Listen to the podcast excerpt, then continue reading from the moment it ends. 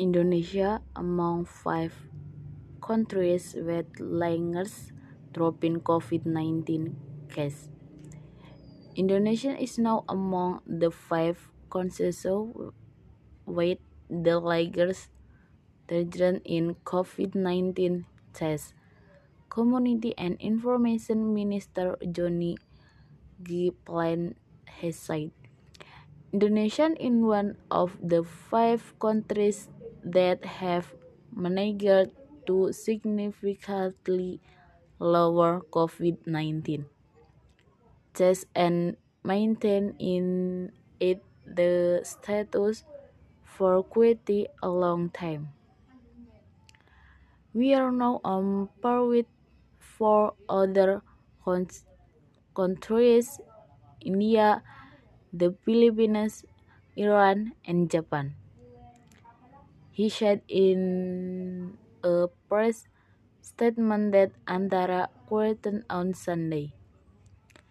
The minister said he hoped the public will stay disciplined in following health protocol and complete with the regulation concerning the Christmas and New Year celebrations in order to curb COVID-19 says Indonesia has been able to bring down COVID-19 cases by up to 1993% from the park and mentioned the trend for 130 days. Pertamina to expand miles capacity to reduce more emissions.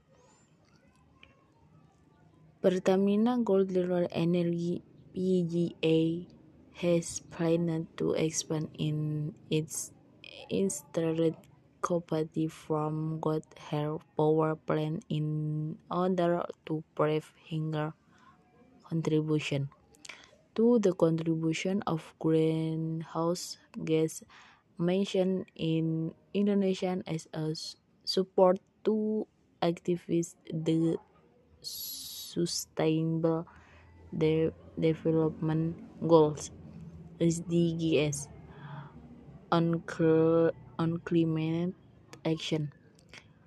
Our expanded plan will help To achieve net zero emission target by 2060, Chief Financial Officer (CFO) Pertamina Director of Energy Nelwin Aldriansyah said during a discussion at the UN Global Compact on Business ambition for Climate Action held virtually on last Wednesday, November 10.